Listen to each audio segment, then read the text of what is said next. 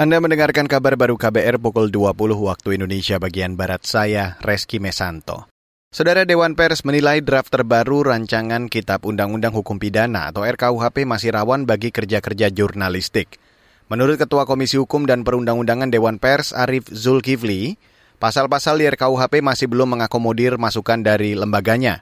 Ia khawatir kerja-kerja jurnalistik akan terganggu karena rawan dikriminalisasi lewat pasal multitafsir tersebut uh, potensi untuk terjadinya uh, kriminalisasi terhadap wartawan masih terbuka sepanjang reformulasi yang kami uh, sampaikan itu masih belum di, belum masuk ke dalam pembahasan. Di dalam reformulasi yang disampaikan oleh Dewan Pers, maka uh, kami memasukkan beberapa frasa yang intinya adalah pasal-pasal sedemikian tidak diberlakukan terhadap kerja jurnalistik dan untuk kepentingan umum. Ketua Komisi Hukum dan Perundang-undangan Dewan Pers Arif Zulkifli mencontohkan reformulasi penghasutan melawan penguasa di pasal 246 RKUHP yang masih rawan multi tafsir. Kemarin pemerintah telah menyerahkan naskah terbaru RKUHP ke DPR. Pemerintah mengklaim telah melakukan sosialisasi sekaligus dialog publik untuk menjamin adanya partisipasi publik dalam perumusan naskah RKUHP. Beralih ke berita selanjutnya, Saudara, Komisi Bidang Pendidikan DPR mendorong pemerintah segera menyelesaikan persoalan rekrutmen pegawai pemerintah dengan perjanjian kerja atau PPPK tenaga pengajar.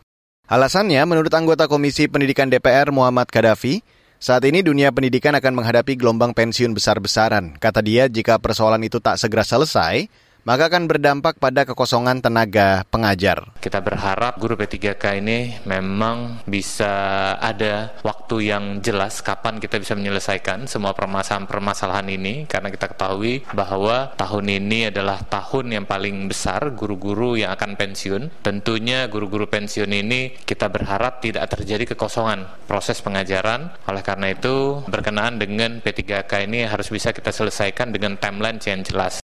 Anggota Komisi Pendidikan DPR Muhammad Kadafi mengatakan ada beberapa catatan terkait pengangkatan PPPK. Salah satunya masih banyaknya pegawai yang belum diusulkan untuk pengangkatan oleh kepala daerah.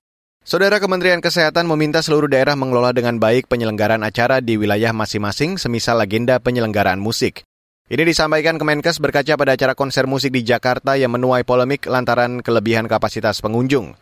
Akibatnya Dinkes DKI Jakarta harus membatasi kegiatan konser untuk mencegah kenaikan kasus COVID-19. Kemenkes sangat setuju, sangat senang karena memang harus dilakukan oleh seluruh yang terkait. Jadi terima kasih kepada DKI, saya kira bukan hanya DKI, seluruh ya, seluruh provinsi ya harus pintar-pintar, harus uh, bijaksana di dalam melakukan ini. Artinya apa? Kerumunan yang begitu besar bukan saja akan menyebabkan uh, penularan atau masalah COVID tadi kan. Juru bicara Kemenkes Muhammad Syahril menilai pembatasan penonton saat penyelenggaraan acara besar dapat meminimalisir penularan COVID-19 yang kini tengah naik signifikan. Selain itu, kata dia, pemerintah juga terus berupaya meningkatkan cakupan vaksinasi booster agar terbentuk kekebalan komunal. Dan saudara, Demikian kabar baru, saya Reski Mesanto.